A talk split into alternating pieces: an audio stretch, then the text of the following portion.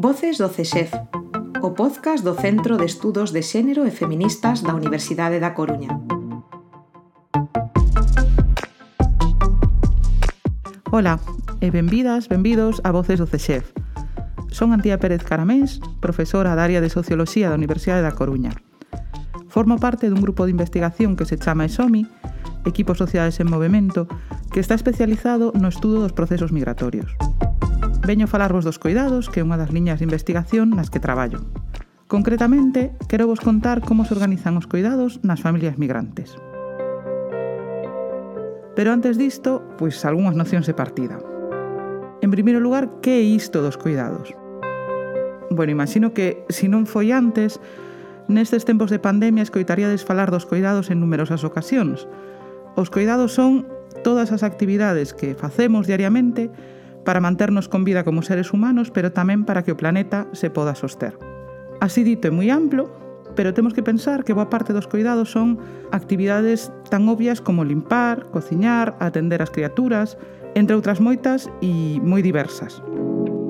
Os cuidados son un traballo, non son unha actividade de lecer. O que pasa é que a maior parte dos traballos de cuidados que se fan nas nosas sociedades non están remunerados porque se fan nas casas e non no mercado laboral hai traballos de cuidados que si se pagan, que son empregos, como os que desenvolven, por exemplo, persoal sanitario, ou, por exemplo, as persoas que traballan como auxiliares no servizo de axuda a domicilio, pero isto é só unha porción moi pequena dos traballos de cuidados. A maioría fano, ou facémolo, as mulleres nas casas de maneira non remunerada. De feito, a Organización Internacional do Traballo calcula que diariamente se realizan no mundo uns 16.000 millóns de horas de traballo de cuidados non remunerado, o que supón, se se contabilizara económicamente, máis dun 10% da produción económica mundial. E por que isto é así?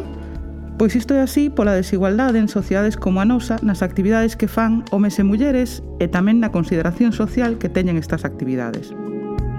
Isto en ciencias sociais coñecémolo como a división sexual do traballo, E este concepto permite explicar que os homes ocupen principalmente o espazo público e se adiquen a actividades recoñecidas, remuneradas e valoradas socialmente, mentre que as mulleres nos dedicamos a aqueles traballos que teñen lugar no doméstico, no espazo privado e que están desprovistos de valor, como son o traballo doméstico e os traballos de cuidados para o resto de persoas da familia.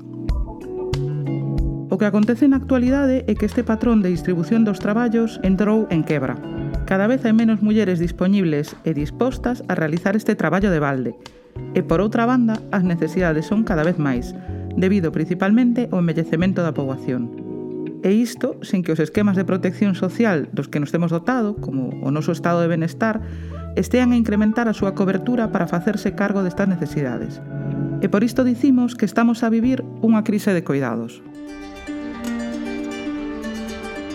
As familias migrantes son aquelas nas que unha persoa ou máis das que compoñen o fogar non vive co resto nese fogar, senón que está emigrada normalmente a outro país. Chámaselles tamén familias transnacionais porque só acontecer que as persoas que compoñen ese fogar están repartidas, cando menos en dous países, senón en máis. O que teñen de interesante as familias migrantes transnacionais é, por unha banda, que teñen que reorganizar os traballos que se fan no fogar no momento en que unha persoa emigra, máis aínda se esta persoa é unha muller, porque sabimos que é a quen se lle asigna socialmente a realización destes traballos. Por outra banda, no caso de moitas mulleres migrantes, o traballo que acaban desenvolvendo nos países nos que se asentan tamén é un traballo de cuidados, pois acaban sendo contratadas como empregadas do fogar por parte das familias.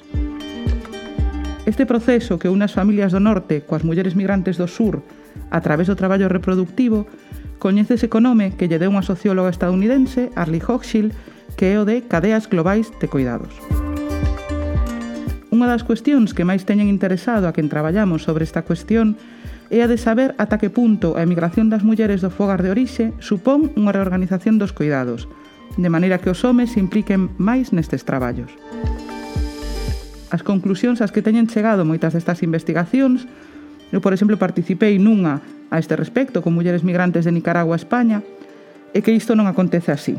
Os homes non só en esforzarse máis nos cuidados cando emigran as mulleres, senón que as mulleres que marchan buscan a outras familiares, mulleres tamén, habitualmente pois as súas nais, pero tamén irmás ou mesmo fillas maiores, as que deixara o cargo dos cuidados en orixe.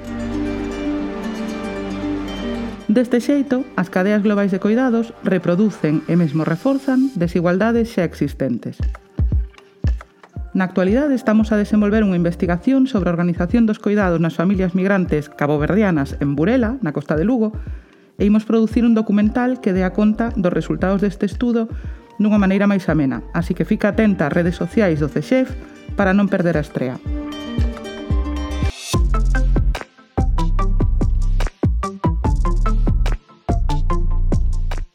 contido desenvolvido polo Centro de Estudos de Xénero e Feministas da Universidade da Coruña co apoio do Concello da Coruña.